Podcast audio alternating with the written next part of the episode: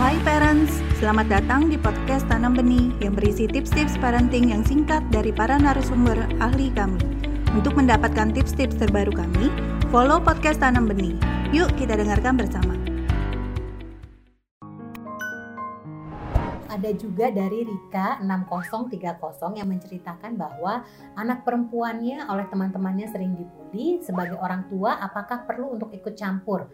Apakah perlu untuk mendiskusikan hal tersebut kepada orang tua temannya.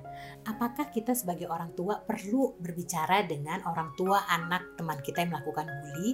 Nah, ini tentunya uh, tergantung dari uh, peristiwa bully itu sendiri. Tapi terutama tentunya kita ajarkan anak kita untuk bersikap tegas, untuk bisa bersikap asertif uh, kepada temannya yang membuli sehingga anak kita bisa membela diri anak kita sendiri gitu ya dan bisa menghadapi konflik dengan uh, temannya.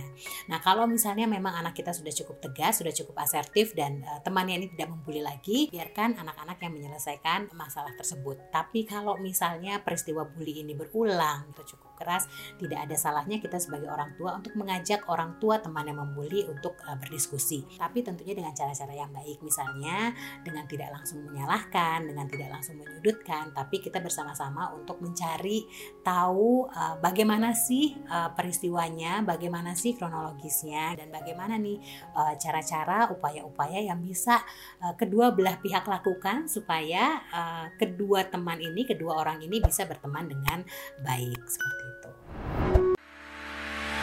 Terima kasih telah mendengarkan podcast Tanam Benih. Jangan lupa follow podcast Tanam Benih. Tidak pernah ada kata terlambat loh untuk belajar.